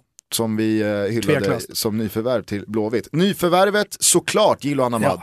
Ska vi lyssna bara på en gång till vad han svarade på frågan. Är du allsvenskans bästa spelare? Alltså jag, jag tycker det, ja. Det kan jag, alltså det tycker jag på riktigt. Tränaren Jakob Mikkelsen, Ja. eh, vad tror du om dansken? Ja, jag tror att han behöver tid. Precis som alla nya tränare. Eh, vi har sett ett Hammarby som eh, inte superimponerat på försäsongen. Eh, jag, jag tror inte att eh, Hammarby kommer vara speciellt bra under april. Eh, men eh, det, det är ju spännande ändå. Och jag kommer ihåg när han värvade så var det många som jublade. Det, var, det kändes som att Hammarby menade lite allvar när man tog honom faktiskt. Eh, och han kallas för lilla Mourinho och, och allt det där. Sen så har han ju, han kör ju lite sitt eget race. Eh, Det förstod vi också av eh, när vi hade Isak här. Det, det Hammarby är en klubb som är väldigt stolt över sin ungdomsakademi. Med en tydlig målsättning också att få upp spelare från, från den. Eh, Jag tror inte att eh, Jakob Mikkelsen på något sätt är liksom, 100% är rätt man för, för att driva det projektet ända in i mål. Utan eh, jag, jag tror att han känner att han är där för att göra resultat, för att vinna matcher. Inte för att eh, ja, utveckla talanger höll jag på att säga, men, men att ge dem chansen bara för att ge dem chansen. Kanske hela avsnittets svåraste fråga. Vad blir snackisen kring Bayern i år? Det vet man ju aldrig. Jo, snack, snackisen blir Bayern. Det är, hela allsvenskan. Hela så blir- företeelsen Hela Bayern. allsvenskan, det exakt. Det stora snacket kommer bli Bayern. Eh, ja, jag gillar att, jag älskar att de inte har någon sportchef. Transferfönstrets sista dag. Sista Stockholmslaget då, Djurgården, vad finns det mer att säga eh, kring, eh, kring Djurgården? Nej, men jag tycker att vi På kan... tal om att någon behöver tid Mm. så känns det som att man ska nog eh, tänka på att trots att Kim Källström, alltså sett till vilka Bosse har värvat efter honom, kom för evigheter sedan. Så är det ju väldigt många nya spelare. Som ska in i det här Djurgården. Ja, ja, ja. Alltså, det, det hade varit jättekonstigt om det flög första matchen. Jag tror ändå eh, att, att de eh, vinner mot Sirius just för att det finns så mycket kvalitet i laget. Men, men det här är ett lag som kommer växa allt eftersom. Men du, ska vi inte bara minnas när jag gjorde intervjun med eh, eh, Öskan på upptaktsträffen om hur Djurgården ska spela. Om det nu är någon där ute som är lite osäker, inte sett linjer i spelet. Ja men vad, vad är det för Djurgården vi kommer få se den här säsongen? Men slutligen sådär, om man får jämföra då din, din spelfilosofi, det är Djurgården vi kommer få se, med ett eh, europeiskt lag i någon av toppligorna. Finns det någon, någon sådär som, eh, som, man, som man kan kolla åt, eh, så man förstår Djurgården ännu bättre? Ja, på sikt kommer man att göra det. Jag vet nu att, att vi är en klubb där resultaten är viktiga, så jag tror inte i början att man kommer få se den fullt ut, men eh, på sikt, om man får jobba och, och eh, och sätta den här så skulle jag vilja säga att om man tittar till, till eh, Atletico Madrids försvarsspel och, och kanske Dortmunds anfallsspel, Liverpools anfallsspel. Tack så jättemycket. Älskar alltså, tydligheten från Öskan. Ja. Atletico Madrid i försvarsspelet. Jajamän. Dortmund, eh, Liverpool funkar också. Han tänker nog Klopp, tror jag. Så att, eh, ja, lyckas han med det då blir det SM-guld i, i november. Nu eh, vet ju alla det här att vi spelar in det här på transferfönstrets sista dags morgon, alltså Ja. fredag 31 mars, tidig, tidig Arla morgon. Det saknas ju, om vi ska tro hypen här, eh, alltså en Mr X, som enligt många heter Emir Kujovic. Men vi kan ju inte veta Nej. att Emir Kujovic kommer till Djurgården. Kanske det, man däremot, ute. det man däremot kan veta är att om Emir Kujovic eller en anfallare av hans kaliber kommer, så är det klart att det är en spelare som förändrar och kanske blir den sista pusselbiten i Djurgårdens lagbygge som går från att ja, alltså nu bör Djurgården lösa en topp 7 ganska lätt och allt ovanför är en bonus till att ja, men alltså Djurgården med den här truppen ska bara vara med och slåss om Europaplatserna. Ja, men Europa, alltså Djurgården går in, med, in i den här säsongen med, med de vinnarskallarna som finns ner från Isaksson, via Olsson, Kim Källström och eventuellt då Kujovic och sen alla andra eh, med, med målsättningen att vinna guld. Man kan inte göra någonting annat. Det vore ju bisarrt med, med, med, den här, med det här transferfönstret som Bosse gör. Ja, mycket kan sägas om åldern på de här eh, tre gubbarna, men alltså, det är nog eh, så att jag fan aldrig har varit med om en sån centrallinje, i alla fall tre fjärdedelar av en centrallinje med så mycket erfarenhet som Nej, Isaksson, Ska vi inte glömma bort de andra nyförvärven som inte riktigt är lika namnstarka, men som Beijmo. Malmö ville ha, eh, där det var en dragkamp, där han valde att stanna kvar i Stockholm, där Djurgården drog det längsta strået. Det säger också någonting, tycker jag, om eh, Djurgårdens attraktionskraft. Och det är klart, vem vill inte spela med Kim Källström? Vem vill inte, om du är ytterback i, i BP, stor talang, ha Jonas Olsson innanför dig och en, eh, Andreas Isaksson i, liksom mellan stolparna. Djur, Djurgården är på riktigt. Det här, det, här, det här är ett lag som verkligen menar allvar. Jag, ja, nej, jag, jag håller dem högt alltså. Sen det Det är lilla, Öskan emot alltså. Det är Atletico i försvaret och, och Dortmund i anfallet emot. av det lilla jag sett också så gillar jag ju redan Al Badji. Alltså jag tror Ja, att ja. Bosse mycket väl kan ha grävt guld ner i Ja, Afrika det igen. tror jag också. Det alltså. tror jag. Eh, På tal om Kim och Al Badji så fick jag bara höra eh, omvägar igår att Al Badji kallar Kim Källström för Mr Kim. och att Kim Källström då, Tydlig hierarki. ja men Källström har liksom sagt till honom, you, you don't have to call me Mr. Okej okay, Mr Kim. Okej Mr Kim. Sluta. Och att han har gett instruktioner på planen Sluta. då rent i spelet så här, att eh, go, inte go hosta. deep, I will, I, I, will, I will put you deep with my ball. Okej Mr Kim. You don't have to call me Mr Kim. Okej Mr Kim. Sluta. Jag kan inte andas. Chefen i Djurgården, Bosse Andersson. tappet. Ja, vem är tappet egentligen?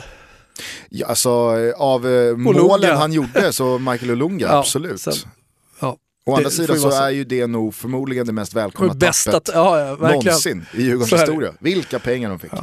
Nyförvärvet, jag kommer fan sticka ut hakan här och säga att Jonas Olsson är, eh, alltså det Okej. är nyförvärv. Ja, jag säger Kim. Ja. Eh, det Säger alla spelare om. också. Alltså, Störst, bästa nyförvärvet om man frågar spelarna såg jag här en undersökning nyss. Just Kim Källström. Nej, jag håller med dem. Eh, tränaren har vi redan Älskar pratat Kim. om, Öskan. Eh, det, är, det är en hög ribba han har lagt sig på Ja. nu med Atletico Dortmund och kan funka med Liverpool Ja. också. Eh, vad tror du snackisen blir? Ja, snackisen, eh, ja det är en bra fråga alltså det finns så mycket med det här Djurgårdslaget som skulle kunna bli snackisar men, men eh, det är väl resultat, eller Öskan i slutändan. Öskan, eh, och återigen lite som MP, positivt eller negativt. Jag tror att han, han, eh, han kom, han är ju också en, en tränare som brukar uttala sig väldigt kraftfullt och eh, väldigt direkt. Så jag tror att eh, i, under våren här, oavsett vilket håll det går åt, så kommer, kommer Öskan skapa de stora snackisarna i alla fall. Jag flaggar för att en snackis kan komma att bli konstgräset. I och med att det, det känns som ja. att det kommer ligga Jonas Olsson och Kim Källström mm. framförallt jo. i fatet under väldigt många matcher. Jag tror att det är 22 av 30 matcher som för Djurgårdens del spelas på konstgräs.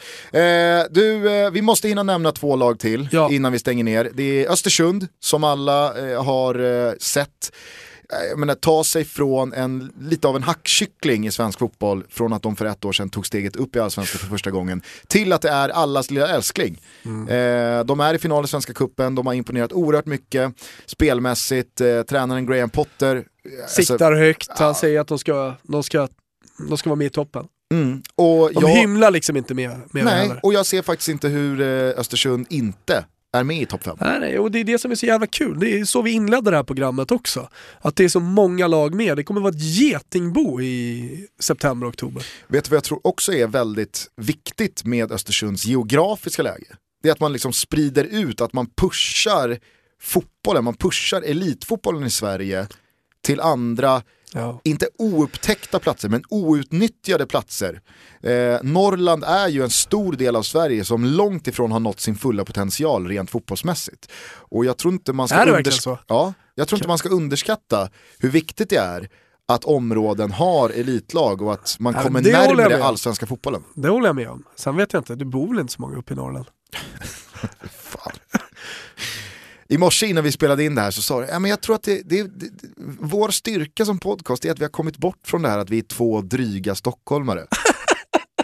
Ja, men det är inte så jag menar. Jag menar bara, så här, vad finns det för potential med ungdomsfotboll, liksom med talangutveckling och så vidare i Norrland? Ja, men kolla vilka städer som inte är allsvenska, som knappt är superetska i Sverige. Du har Umeå, du har Piteå, ja. du har Luleå, du har okay. Kiruna, nu är Östersund där du Härnösand, Örnsköldsvik och så vidare. Så i framtiden så, så kommer vi prata om det norrländska undret inom svensk fotboll? Nej, men jag tror i alla fall att det finns en outnyttjad potential i Norrland och jag tror att Östersund bidrar starkt till att bättra på det den. Det tror jag också, bättra på den helt klart. Chefen i Östersund? Potter. Fast annars är ju det, det är en väldigt handlingskraftig man, Daniel Kindberg, Östersunds ordförande. Ja, det är sant. Ja, jo, men det är klart att han är chefen. Pratar man beteckning chefen så ja. tycker jag ändå man ska nämna Kindberg före ja, ja, ja. Potter. Tveklöst. Tappet, det är väl inte så jävla mycket att snacka om. Alex Dyer har gått till Elfsborg och det är en spelare att verkligen hålla ögonen på den här säsongen också. Fantastisk spelare. Nyförvärvet, Tom Pettersson kanske, har man ju hämtat från eh, Blåvitt. Tror att han... Eh... Han kommer nog komma in bra, jag tror att återigen så kommer Graham Potter då göra underverk individuellt med honom som han har gjort med många andra spelare. Mm. Det ska bli intressant att se också Tom Pettersson som kommer från en allsvensk miljö till Östersund. Mm. Tidigare så har det varit spelare från lägre divisioner eller som har följt med från lägre divisioner upp i allsvenskan och blivit bättre. Det ska bli kul att se hur mycket Graham Potter Östersund kan förädla en redan allsvensk spelare. Om du förstår vad jag menar. Eh, tränaren Graham Potter, ja, vad finns kvar att säga om detta engelska fotbollsfenomen? Ja, nej men det är just det, har han förmågan att ta Östersund ytterligare ett snäpp.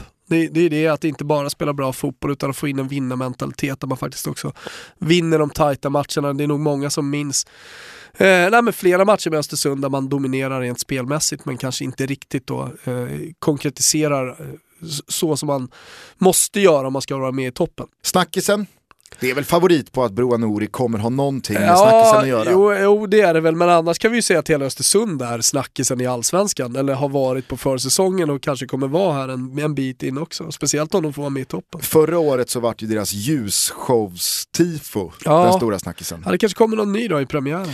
Men med tanke, på, med tanke på vilken soppa till transfer det var, eller icke-transfer kanske man ska ja. nämna det som, med Broa Nouri till just Djurgården. Så känns det som att det sista är inte sagt kring den eh, transfern. Eh, jag personligen älskar Broa, jag tycker han är, ja. det är en Nej, han, var ty- ja, han var härligt ärlig på scen på upptaktsträffen också när han, när han pratade om det och sa att eh, jag, jag, är inte direkt känd för att göra bra val. Märklig stämning. Det har varit tyst. Ja. Konferencier Andri, äh, Anders Andersson, han... Han visste inte vad han skulle säga. Det enda han svarade med, Ursäkta, vad sa du? Precis. Jävla stel stund alltså. Eh, vi släpper Östersund och det sista laget vi bara grottar ner oss i är hela Sveriges mest underskattade topplag IFK Norrköping. Ja. Vi har ju pratat om dem eh, så sent som eh, i det här avsnittet efter upptaktsträffen, men jag tycker att det är värt att understryka att ingen tror att Norrköping ska ha någonting med guldet att göra, men alla tror att Norrköping kommer vara med i toppen. Ja. Vad är det de saknar tycker du för det här? Det, det, Det, det sista väl- erkännandet Nej, men jag, jag som guldkandidat. Ja, nej, men jag, jag tror att det handlar om att man kanske då ser att det inte riktigt finns samma spets som i de andra topplagen. Det de har däremot de senaste åren det är kontinuitet. Eh, och jag tycker att eh, liksom Jens, Jens Gustafsson har gjort det jättebra och tagit över efter Janne. Sen så är ju allting, eh, alltså Norrköping är ju byggt av Janne Andersson på många sätt, alltså spelmässigt och, och sen så tror jag ändå att Jens Gustafsson har förmågan, förmågan att dels ta det vidare och förädla det ytterligare och sätta sin prägel på det. Men, men jag tror att också den kontinuiteten som man har haft, alltså den stommen som man har och det grundspelet som är så pass stabilt gör att Norrköping kan inte hamna eh, någon annanstans än liksom, ja, någon position i topp 6-toppen. Det skulle kunna vara en andra plats. jag tror inte de vinner guld. Eh, men, Inte du heller? Nej, nej men det, det är just den här kanske spetsen man saknar, men, men att Norrköping kommer med i toppen, det, det, är liksom, det, det är väl den alltså, nästan största lågoddsaren höll jag på att säga, men, men av de lagen som är med och utmanar. Ja, ja, jag, alltså jag fascineras bara av att jag, Men precis som med- du, precis som alla andra, Ja. tycker att det är fullt realistiskt med att Norrköping kommer tvåa. Men det är orealistiskt att de tar guld. Ja, nej, men det, det är absolut inte orealistiskt. Jag säger bara vad jag, vad, jag- vad jag tror kring det. Eh, men håll med om att så här, man har sett, även om man bara tar ett internationellt perspektiv, alltså lag då som har byggts av eh, en sportchef, en tränare, eh, som har fått den här st- stabila grunden som jag pratade om och grundspelet. Och sen levt på den oerhört länge. Även om man har bytt tränare och även om man blivit av med, med spelare. Eh, ja, men det finns många exempel ute i Europa eh, och Norrköping blir ett bra exempel här i Sverige på att liksom så bygger man någonting jävligt eh, förankrat liksom stabilt, då, då, då räcker det långt rent tidsmässigt. Nej, alltså det enda som jag kan känna talar lite mot Norrköping det är att eh, det har varit en, en väldigt framgångsrik vinter och vår här nu eh, som är lite av en rökridå. Motståndet kanske inte har varit det bästa. Tittar man på den gruppen Men man hade i ska vi, vi, cupen- ska inte lägga, vi ska inte lägga för stor Nej, nej. vikt Jag säger bara att, jag säger bara att det har cupen sett väldigt bra ut för Norrköping i de matcher man har spelat mot slutet. Men det har också varit Halmstad, man har mött ett Göteborg som jag tycker är svagare än på väldigt många, många år. Eh, du får BP i en eh, semifinal och så vidare. Så att, Jo. med några tappar, Sebastian Andersson, det är väl inte otroligt att han försvinner i sommar om han gör det bra under våren. Men det är, Eh, ändå, det är ändå för långt fram för att prata om, vi måste ändå fokusera på, på, på liksom det som finns här nu. Ja, ja, och det är det jag säger att så här, jag kan ändå känna att mm, kanske så eh, har vi en bättre bild av Norrköping än vad som faktiskt är fallet. Till skillnad från många andra lag så finns det väldigt få frågetecken tycker jag kring Norrköping. Chefen, Ja, det är ju mittbacken. Andreas Johansson. Ja, det är ju det är en stor chef alltså. Fast han är ju mer chefig i liksom så här, si- si- sitt fotbollsspelande än i hans persona. Väldigt ochefig person. Ja, fast jag tycker ändå på något sätt att han har en eh, liten chefsaura även i intervjuer och så. Och helt, eller, det vet jag att han har i omklädningsrummet. Vad är det Filip och Fredrik brukar säga? Han har ett storkukslugn. Ja, exakt.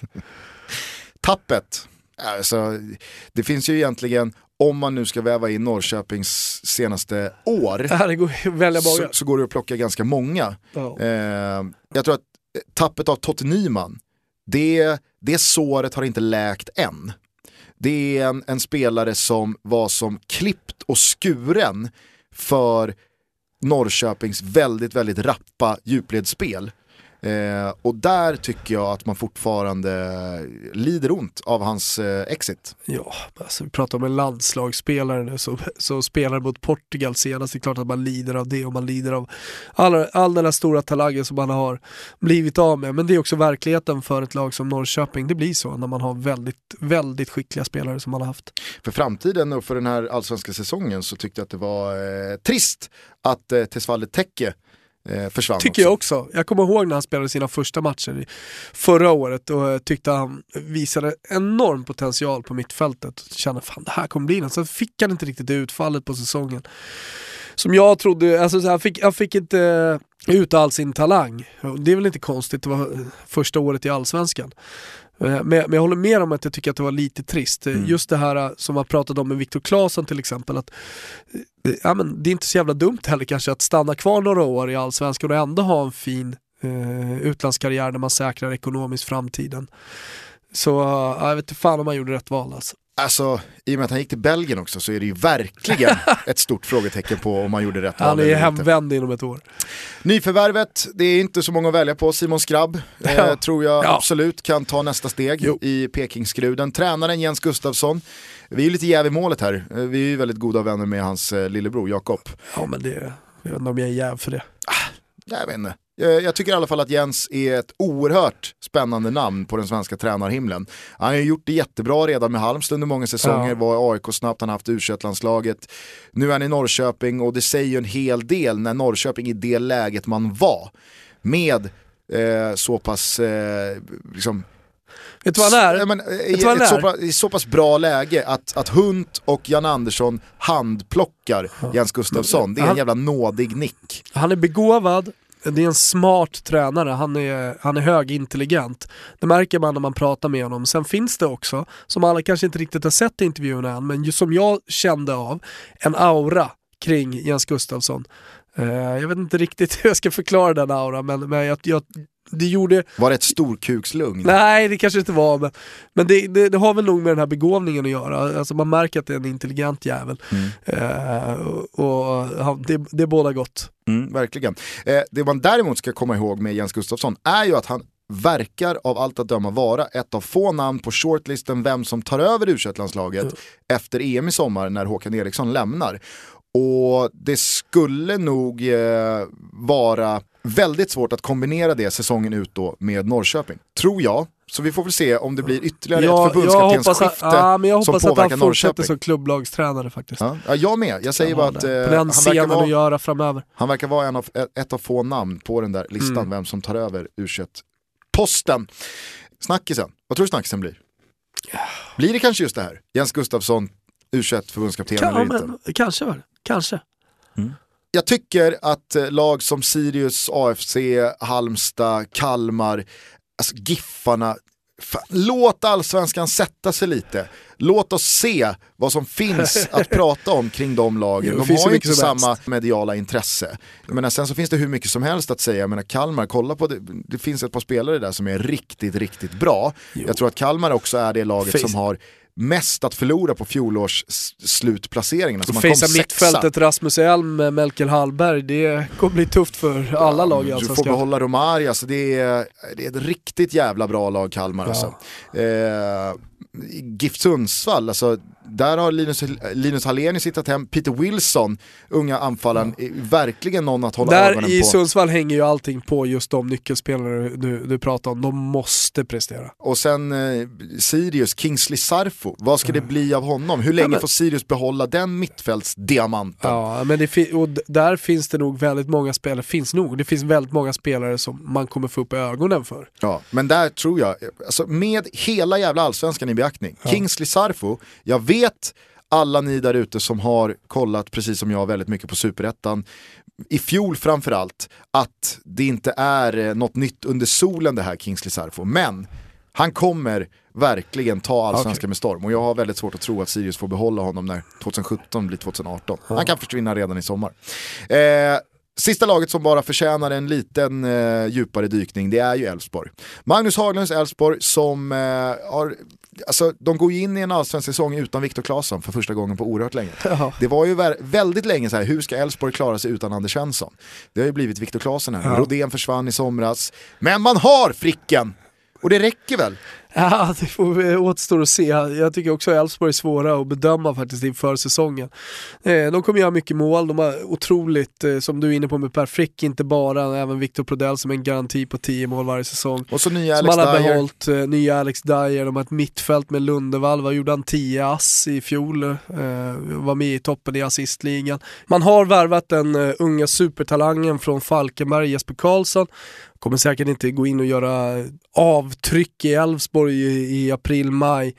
Eh, men men, men det, är, det är en spelare för framtiden som skulle kunna bli en ny Viktor Claesson, alltså eh, borde bli det. Eh, så, så det finns ju väldigt mycket med, med det här Elfsborg-laget som är bra. Eh, Haglund går in i ytterligare en säsong som tränare, är det rätt eller inte? Mm. Det, det, ja, det, jag, jag tycker att Elfsborg är lite kluriga. Verkligen. Och det, Så jag man, hittar jättemycket fint med Elfsborg. och det man har haft problem med i många år nu, det är ju att man är så oerhört svajiga i sina resultat hemma kontra borta. Ja. Alltså man har ju varit ett väldigt lätt byte på bortaplan, i synnerhet på naturgräsplaner. Men hemma så är man, alltså, Mm. sett över tid, skulle du backa 5-6 allsvenska säsonger så är det svårt att tro något lag har fler poäng på hemmaplan Mm. än vad Elfsborg har på Borås Arena.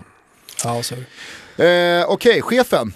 Ja, chefen i Elfsborg, det är ju Stefan Andreasson. Han är alltid min stora chef. Jag gillar honom extremt mycket, jag tycker han är bra. Mm. Han har en jävla massa deg att erbjuda sina nyförvärv. På tal om Simon Lundevall alltså. Ja. Man eh, plockade ju... Eh, Men de har ju ofta de här spelarna som kanske inte är superprofilerade, man som plockade- Simon Lundevall, men som, som alltid gör bra säsonger. Ja, Man plockade ju DG också från Örebro i fjol. Alltså. Det, de pengarna som de erbjuder de här spelarna, det är, jag, jag, jag blev uppriktigt chockad Ja, när jag fick höra vad Simon Lundvall och eh, DG tjänar i månaden. Alltså. Jag behöver inte avslöja det här, Nej. men det är alltså, otroliga löner. Alltså. Otroliga löner. Eh, tappet. Det är väl inte så jävla mycket att snacka om. Nej. Viktor Claesson har Ja. ju med sina första månader i Krasnodar visat att det är en jävla superspelare. Mm. Om man nu har missat det senaste säsongen. det kan man inte ha gjort. Nyförvärvet, Alex Dyer, eller? Ja, det är det. Det är det. Det ska bli superkul att se honom i Elfsborg. Tränaren Magnus Haglund var ju länge i Elfsborg, försvann till Norge, kom tillbaks, gjorde ju en lite mellanmjölksäsong i fjol. Nu känns det ju som att nu är det fan upp till bevis att Magnus Haglund ska vara Elfsborgs tränare, eller? Mm. Ja, eh, jag menar upp till bevis, upp till bevis. Eh, Är han ytterligare två säsonger oavsett vad som händer så, så är det fortfarande i liksom, den moderna fotbollsvärlden, två säsonger, det är inte så kort tid. Så eh, det, det, det beror ju på lite hur man ser på honom. Om, man- om man, eh, alltså rent projekten, det finns mycket, mycket talang i Elfsborg, om man ser långsiktigt istället. Att man ska ko- komma ut i Europa, kanske vinna, lite som Häcken då, vinna allsvenskan på sikt med de här, med de här lite yngre spelarna. Det, det, då kanske han är rätt man. Vad tror du snackisen kring Elfsborg blir? Snackisen kring Elfsborg hoppas jag blir Jesper Karlsson. Alltså jag hoppas att han verkligen eh, får ut det han fick ut i Falkenberg. Nu är det en helt annan miljö. Eh, han hamnar under eh, luppen på ett helt annat sätt också. Strålkastarljuset kommer att vara på honom när, när han är inne på planen. Mm. Ja, det blir spännande att följa Annars är ju Elfsborg Per Frick, eh, alltså matchen i matchen, höll jag på att säga, i allsvenskan här nu. Fricken mot Prodell. Ja. Där går vi en match Gusten. Jag säger ju att Prodell är den som pytsar mest. Och jag Igen. säger att eh, Per Frick, han kommer Han fylla Friends, han fyller Friends Arena under landslagshösten. Bara han. Ja, men det är, match match, det, det är match mellan oss. Ska vi bara avsluta detta allsvenska inför-program av Toto Balutto på tal om Elfsborg och Magnus Haglund med att minnas hur det lät efter två matcher in i allsvenskan, kan det varit 2009-10 någon gång. Nora Strandberg får tag i Magnus Haglund precis innan avspark. Eh, Nora har eh, kollat på de senaste matcherna där Elfsborg alltså har tagit nio poäng på de nio senaste matcherna. Problemet är bara att sju av de matcherna spelades under hösten året innan och det här missar Nora att berätta för Magnus Haglund när hon ställer sin inlämnade fråga. Magi uppstår och det här är ju ett allsvenskt ögonblick som jag hoppas kunna få återuppleva i en eller annan form nu när det drar igång igen. Nio poäng på nio matcher, så ser ert facit ut. Varför har det inte gått bättre? I Allsvenskan. Nio poäng på nio matcher, så ser ert facit ut. Varför har det inte gått bättre? Nio poäng på nio matcher. Ursäkta? Under hösten också såklart. Ja, det var länge sedan. Ja, det har jag inte ens funderat över. Det, det var länge sedan. I höstas var länge sedan nu. Nu har vi spelat en match och då tog vi i och för sig en poäng, så det med snittet där är rätt. Okej, tack så hemskt mycket. Tack.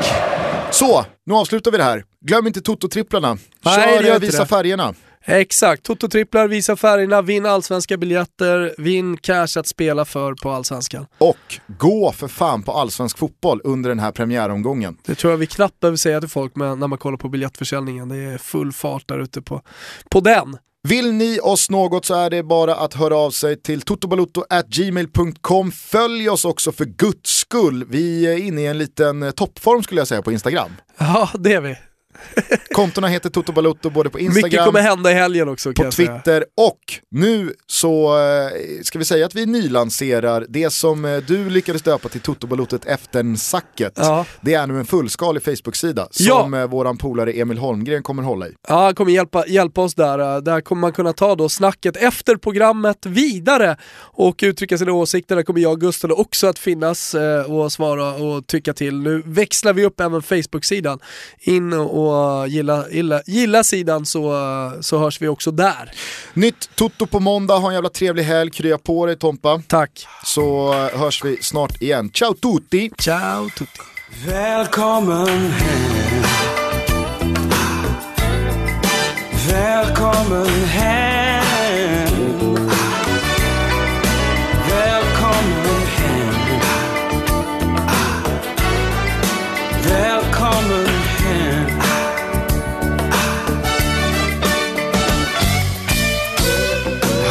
älskat dig i vanvett. Jag har älskat dig i så många år. Jag har älskat dig i armod. Mer än du någonsin förstår. Välkommen hem. Välkommen hem.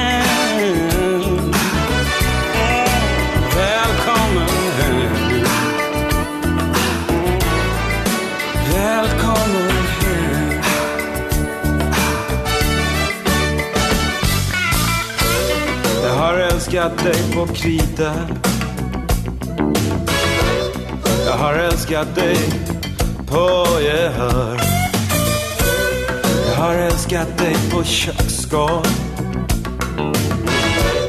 Fråga inte varför. Välkommen hem. Mm, mm. Välkommen hem.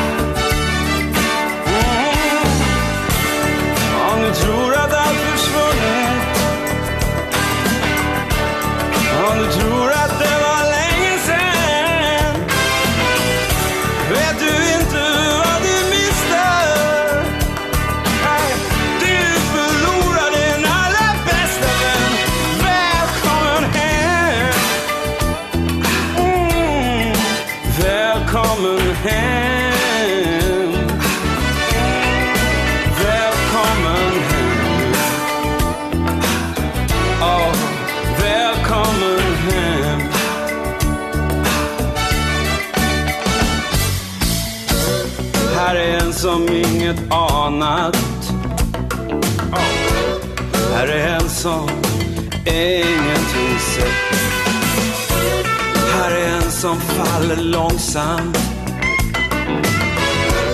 Som förlorat både sans och vett. Välkommen